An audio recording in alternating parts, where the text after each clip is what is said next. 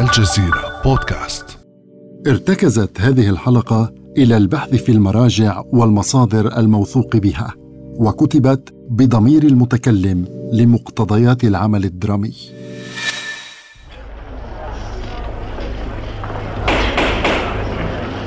محكمة! الدكتور طه حسين تفضل بالمرافعة. حضرة القاضي. أنا لم أطعن في نسب رسول الله صلى الله عليه وسلم ولا في الدين. وأنا كمسلم لا أرتاب في وجود إبراهيم وإسماعيل وما ورد في كتابي هو على سبيل البحث العلمي فقط. سكوت! قرار المحكمة. قررنا أن الدكتور طه حسين لا يهدف إلى الطعن والتعدي على الدين وأن القصد الجنائي غير متوافر. وهكذا انتهت أكبر عاصفة أثيرت في وجهي أنا طه حسين. كانت حياتي كلها مواجهات صاخبة من طفولة المظلمة في الريف إلى مشاكسة في الأزهر ومعارك في الجامعات المصرية وصولا إلى باريس التي منها عدت بأفكاري التي أثارت الجدل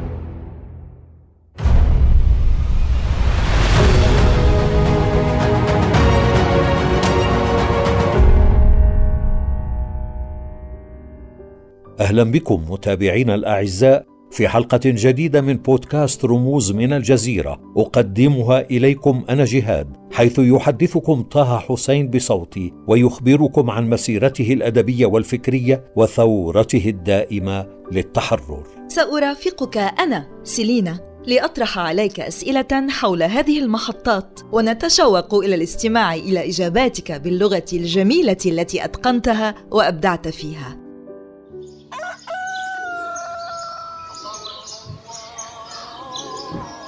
لما استيقظت باكرا بني؟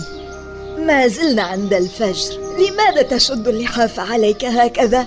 دعني أرى وجهك يا ولدي. لا لا يا أمي أخاف العفاريت تأتيني. تتسلل إلي في الليل وأنا الكفيف لا أراها. إنها ترعبني. تختبئ نهارا تحت الأرض وتخرج في الليل.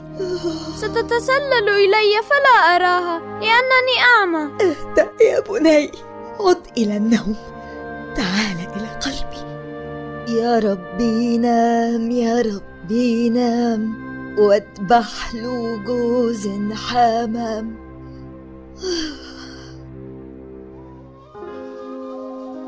خلف النظارة السوداء تختبئ مشاهد من طفولتي الأولى وكأنها راسخة في شريط تصوير قديم؟ أرانب تجري وفراخ وسياج قصب وصبايا يحملن البلاليس على رؤوسهن وهن يغنين بفرح. ظننت أن سياج البيت ينتهي في آخر الدنيا. وآخر الدنيا هو قناة مياه. لم أكن قد بلغت الرابعة من عمري حين أطفأ المرض عيني وكانت أختي تحملني وترميني في حضن أمي. لتقطر في عيني ذاك السائل اللعين الذي أطفأهما إلى الأبد. هل صحيح أن من عالج عينيك هو حلاق الضيعة؟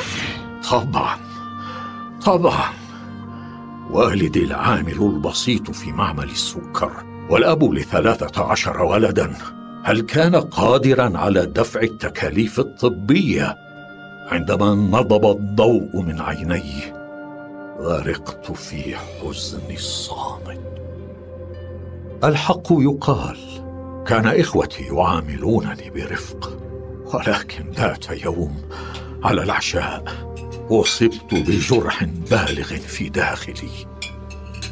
في العادة كنت آكل بيد واحدة ككل الناس. يوم ذاك لا أعرف لماذا أخذت اللقمة بيدي الاثنتين وغمستها في القصعة فسال منها على ثيابي أكثر مما دخل في فمي. ضحك إخوتي كثيرا لكن أمي أجهشت بالبكاء وغرق والدي في البسملة. آه فهمت كم عانى أبو العلاء المعري في حياته الاجتماعية. بسبب فقدانه نعمة البصر. في كتاب القرية حفظت القرآن سريعا ولكني لم أكن مرتاحا لطريقة شيخ الكتاب في التعليم. آنذاك كان أقصى طموح لطفل فقير أعمى في الصعيد هو أن يصبح شيخا في الأزهر ولم يكن قدري ليكتفي بما ألحقه بي عندما أفقدني بصري. إنما أنزل بنا ما هو ألم وأفدح. فاصابت الكوليرا شقيقتي الصغيرة. ثم أخي الذي كان يعد نفسه لدخول كلية الطب في القاهرة والذي كنت أتوسم فيه أن يكون رفيقي وأنيسي هناك. حملني قطار القاهرة إلى الأزهر. مع أخي الآخر. وعند أول دخولي جاءني جرح جديد. كنت جالسا في غرفة الانتظار لأتقدم بامتحان القبول. فإذا بصوت جهير يناديني تعال يا أعمى. كم هو قاس أن يعرف بي الناس من خلال علتي. وعلى الرغم مما حز في النفس جراء ذلك فقد ملكت نفسي وأبليت البلاء الحسن. وعندما انتهيت أعاد الشيخ الكره يمكنك أن تذهب يا أعمى. فتح الله عليك. فتح الله عليك. كانت بداية تؤشر إلى أنني سأصطدم ببعض شيوخ الأزهر. وهذا بديهي. فأنا أردت تحكيم العقل اولا. ولكن بعضهم كان يخاف التجديد. رفضت التلقين كنت أطرح أسئلتي الجادة لكن أساتذتي لم يتقبلوها. وكانت رغبتي أن يتحول الأزهر جامعة مدنية. لم أكن ضده كمؤسسة ولكن لي مآخذ على غالبية الذين كانوا يديرونه. فقد كان الأزهر في التاريخ من أرقى المعاهد في العالم الإسلامي. لكنه مر أخيرا بمرحلة انحطاط. وعندما ضاقوا ذرعا بي حرموني من درجتي العالمية وطردوني. لكن سلوكهم حرضني على المزيد وعلى التوق إلى الأفضل. فجئت إلى جامعتنا الوطنية.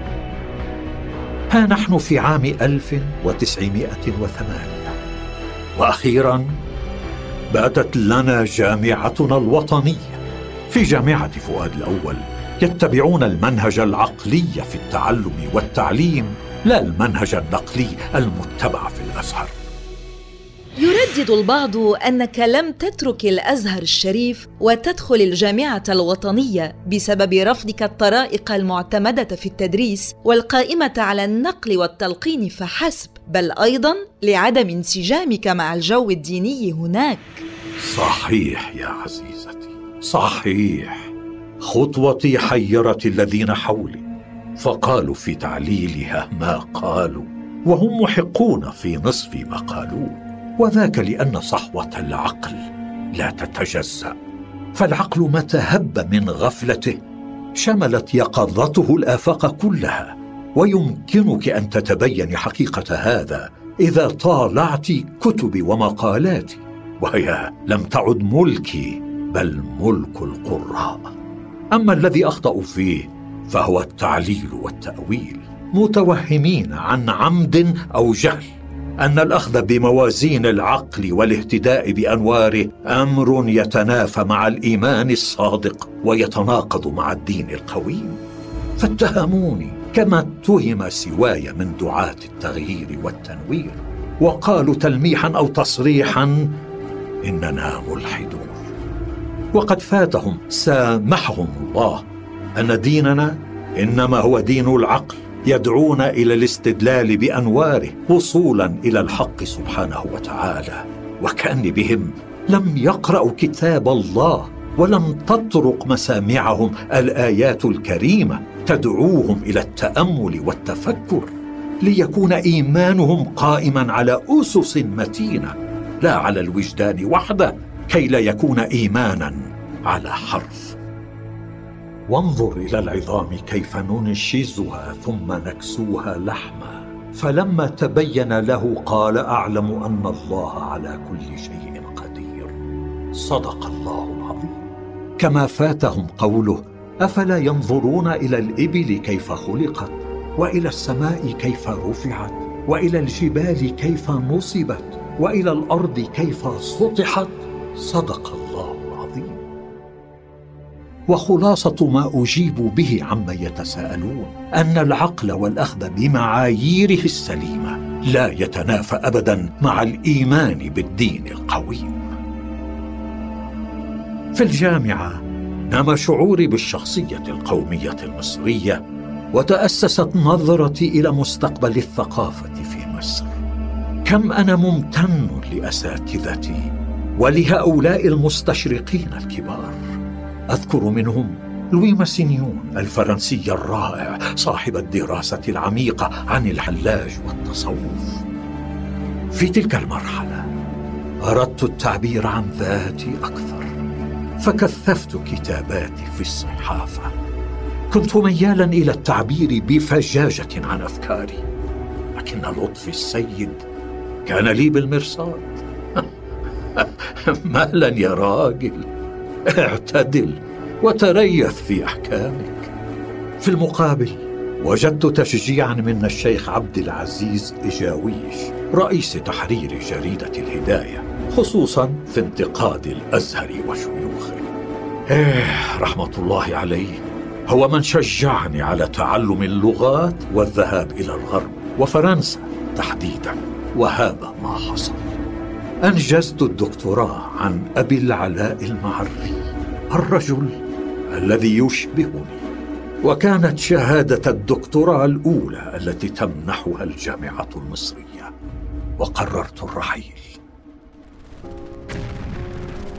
يوليو تموز عام 1914 لا هم عندي أن تكون الحرب الكونية في أوجها وأن تكون فرنسا في قلب النار سأذهب.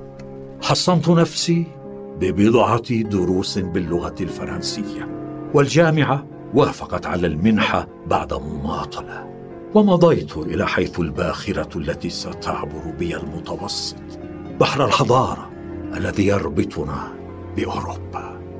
وأخيرا ها أنا في باريس. أيامي في باريس كانت حلوة ومرة. وربما الأحلى وأنها عرفتني بسوزان رفيقة عمري وعيني على الدنيا. في البداية استعنت بها لتقرأ لي روائع الأدب والفلسفة والقانون مقابل خمسين فرنكا شهريا. ومع الوقت تعلقت بهذا الصوت العذب. وصاحبته واصبحنا زوجين. كان لي الحظ أن أدرس في السوربون. إنها جامعة مميزة وأساتذتها أفذاذ. وكم أفرحني أن يكون من اساتذتي إيميل دوركهايم عالم الاجتماع الكبير. واكتسبت إخضاع التراث للمنهج النقدي. الحق يقال إن الحضارة الغربية راقتني وبهرتني أنوارها. تعتقد أنك مرة أخرى. بالغت يا دكتور طه. لقد انبهرت بالغرب إلى حد تمجيد الإسكندر المقدوني الذي جاء بلادنا غازيا محتلا. أليس خطأ أن نستسلم لهيمنة الأوروبيين على ثقافتنا؟ هذا النموذج انتصر والعقل اليوناني يسود الحياة الإنسانية. والإسكندر كان قائد فكر يفتح العقول قبل أن يفتح الجبهات. وفي أي حال لا خوف على شخصيتنا القومية من الحضارة الغربية. كان الخوف واردا عندما كنا ضعفاء مسرفين في الضعف. وأما الآن فعرفنا تاريخنا وأدركنا أن لا فرق بيننا وبين الأوروبيين في الجوهر والطبع والمزاج. وما إن ألقت الحرب الأولى أوزارها في عام 1919 حتى حملت شهادتي وقررت العودة إلى الوطن. هيا يا سوزان الباخرة ستنطلق. أتشوق للعودة. وها إن مصر بدأت ثورتها نحو الحرية والاستقلال. فور وصولي وجدت نفسي وسط عراك شرس. صارعت جمود الفكر والثقافة. لكنني كنت مصرا على دفع مصر نحو الطريق التي سلكها الغرب. وتمسكت بمعرفة التراث لكن المعرفة لا تستقيم إلا بمنهج نقدي. إنه منهج الشك المؤدي إلى اليقين. منهج الفيلسوف الفرنسي ديكارت. وعندما التحقت بجامعة فؤاد الأول جامعة القاهرة فيما بعد استاذا ثم عميدا لكلية الآداب طبقت هذا المنهج على دراسة الأدب العربي. وبدءا من عام 1925 ألقيت محاضرات أصدرتها في كتابي الذي حمل عنوان في الشعر الجاهلي وبه دخلت حروبا على جبهات كثيرة. آه مجددا. إنها ذروة المغالاة يا دكتور. لقد أنكرت وجود الشعر الجاهلي لأنه جاء كله بلغة عربية واحدة فيما أنت مقتنع بأن العرب كانوا يتكلمون أكثر من لغة في ذلك العصر. لقد أهملت آراء باحثين كثر اثبتوا أن لهجة قريش كانت سائدة آنذاك لأسباب دينية وسياسية واقتصادية وبالتالي كانت هي اللغة الموحدة. ثم وصل بك الأمر إلى المس بعقائد الدين ما عرضك للمحاكمة. لا من المسلم به أن لغة العرب لم تكن واحدة قبل الإسلام. اذا فالشعر المنسوب إلى الجاهلية صيغه في زمن الإسلام. فليس جائزا أن يستدل على القرآن بالشعر بل يجب أن يستدل على صحة الشعر من عدمه بالقرآن. والقرآن وحده هو النص العربي القديم الذي يستطيع المؤرخ أن يطمئن إلى صحته. وأما الشعر فلا. واستطرادا طرحت أسئلة حول بعض الوقائع الدينية. كأن الأزهر كان ينتظر فرصته. دخل على الخط وأنشأ لجنة لدراسة الكتاب. لم يقتنع ببيان أصدرته الجامعة يطمئن إلى ألا نية لي للإساءة إلى الدين. ورفع أحد طلاب الأزهر دعوى ضدي أمام النيابة العامة. أوضحت في مرافعتي أنني لم أطعن في نسب رسول الله صلى الله عليه وسلم ولم أنكر أن الإسلام هو دين إبراهيم ولا أن له أولوية في بلاد العرب وأن ما ذكرته هو رأي القصاص لا رمي. وأما عن القراءات السبع المجمع عليها فقلت لهم القرآن الكريم نزل بلغة قريش لكن القراء من القبائل لم يكادوا يتناولونه بلهجاتهم حتى أمالوا فيه حيث لم تمل قريش. وأكدت أنني كمسلم لا أرتاب في وجود إبراهيم وإسماعيل ولا فيما جاء عنهما في القرآن الكريم. وأنني لم أطعن في الدين وما ورد في كتابي هو على سبيل البحث العلمي من غير تقيد بشيء. وقررت المحكمة أنني لم أهدف إلى الطعن والتعدي على الدين وأن بعض عباراتي جاءت في سبيل البحث العلمي مع اعتقادي أن البحث يقتضيها. ولذلك فالقصد الجنائي غير متوافر. لقد أنصفني النائب العام القاضي محمد نور بشجاعته ونزاهته.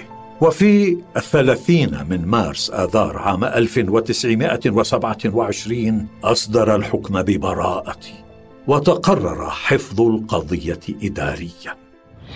لكن البعض يتهمك بأنك قد نحلت فكرة الكتاب عن المستشرق البريطاني ديفيد سامويل مارغوليوث في كتابه نشأة الشعر الجاهلي المنشور في تموز يوليو عام 1925 وعن المستشرق الإيطالي كارلو نيلينو وعن ابن سلام الجمحي لا لا هذا الأمر حسمه مارغوليوث نفسه عام 1927 عندما كتب مقالا قال فيه لقد توصل كل منا مستقلا عن الآخر تماما إلى نتائج متشابهة.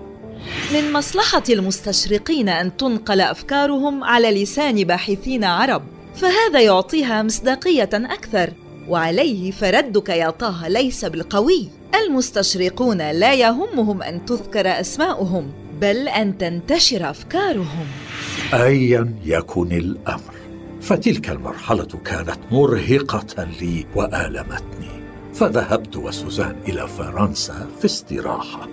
هناك في منطقة لا هوت سافوي أعددت كتابي الأيام.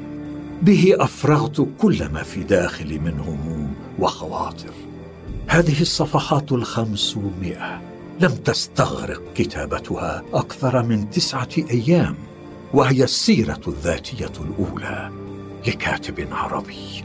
ربما أردت تحدي الناس الذين حاربون لأقول لهم أنا هنا.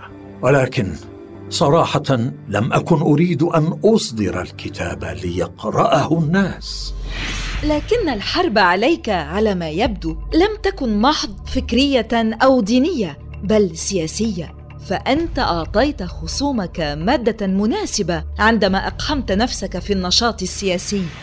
نعم أيدت ثورة سعد زغلول وهذا طبيعي. ولذلك كان الملك فؤاد الأول يحرض علي وكان منزعجا خصوصا من عنادي في استقلالية الجامعة.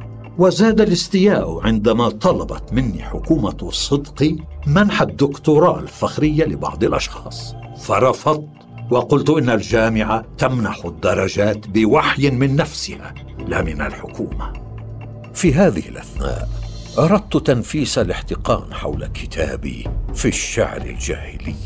أعدت إصداره بحذف مقاطع تتعلق بالأنبياء ولكني لم أعدل النص المتعلق بالشعر. أنشأ صدقي لجنة درست الكتاب فدانته ثم أصدر وزير المعارف قرارا بفصلي من العمادة. تمردت على قراره وعندما سئلت لماذا لم تنفذ قرار النقل أجبت لأنه حمار. وفي النهاية عوقبت بحرماني من كل مصادر الدخل لي ولعائلتي. لكن الناس الأوفياء لأفكاري عوضوني الخسارة. قالوا لي أنت لست عميد كلية الآداب بل أنت عميد الأدب العربي كله. فشكرا له. ولكن عندما تولى سعد زغلول نفسه رئاسة الوزراء هاجمته أيضا وكتبت عنه مقالا بعنوان ويل للحرية من سعد ألا ترى مرة أخرى أنك من هواة المشاكسة والتمرد؟ أيا كان الخصم الذي تواجهه؟ لزغلول دين قديم علي عندما نلت الدكتوراه الأولى طلب أحد أعضاء الجمعية التشريعية قطع المساعدات عن الجامعة لأنها خرجت ملحدا. كان سعد رئيس لجنة الاقتراحات. فرد قائلا سنقترح قطع المساعدات عن الأزهر لأن الطالب جاء منه أساسا. وعندما صار سعد رئيسا للوزراء أثارتني المبالغة في ولاء الناس له بعد الثورة. فهل كان من الجائز أن يخرج الناس ليقولوا لا زعيم إلا سعد لكن هذا لم يمنع ارتقائي في العمل السياسي في ظل سلطة الوفد. فقد توليت وزارة المعارف عام 1950 ولعامين. إنها ثورة تموز يوليو عام 1952 يا دكتور. ها إن عبد الناصر يتولى الزمام ويخلع الملك. أتذكر أن علاقتك بالثورة بدأت جيدة ثم تراجعت أيضا. تماما كما حصل بينك وبين الآخرين؟ ناصر حقق أحلامي في مجانية التعليم وإطاحة الطبقة الفاسدة والعودة بالسلطة إلى الشعب. وكانت لي مكانة مميزة عنده وقد منحني قلادة النيل. ولكن أيضا بدأت ألمس بعض السلوك الاستبدادي لدى الضباط الأحرار على ما أعتقد هذا قدر الفكر مع السلطة. رجال الفكر يتمسكون بأفكارهم ورجال السياسة يتحركون وفقا للمصالح. ولكن يقال إنك في نهايات رحلتك تراجعت عن الكثير من المواقف المتطرفة والصاخبة التي أطلقتها في مراحل الشباب ولا سيما انبهارك الحاد بالغربيين. لم أتراجع عن انفتاحي على الغرب. وقلت في عام 1959 علينا أن نعرف تراثنا ولكنني أوضحت. يجب أن نستدرك ما فاتنا من العلم الحديث ونوطنه في بلادنا ونجعله ملكا لنا ونشارك الغرب فيه مشاركة الند للند. ربما كنت ميالا إلى المشاكسة غالبا. هذا صحيح وفي الحقيقة كنت أشاكس قانون العمى لعل البصيرة تنتصر حيث انهزم البصر. شكرا يا أديبنا الكبير. وفي أكتوبر تشرين الأول عام 1973 رحل طه حسين عن هذه الدنيا لكنه لم يصمت أبدا. وهو باق في فكره الذي وزعه على مؤلفاته الكثيرة والتي ما زالت مثيرة للجدل حتى اليوم. ويوم ذاك قال رفيقه توفيق الحكيم لقد فارقت الحياة جسد طه بعدما فارق اليأس روح مصر. وسيبقى الجدل الذي أطلقه طه حسين ساخنا على مر الأجيال في ثقافتنا العربية.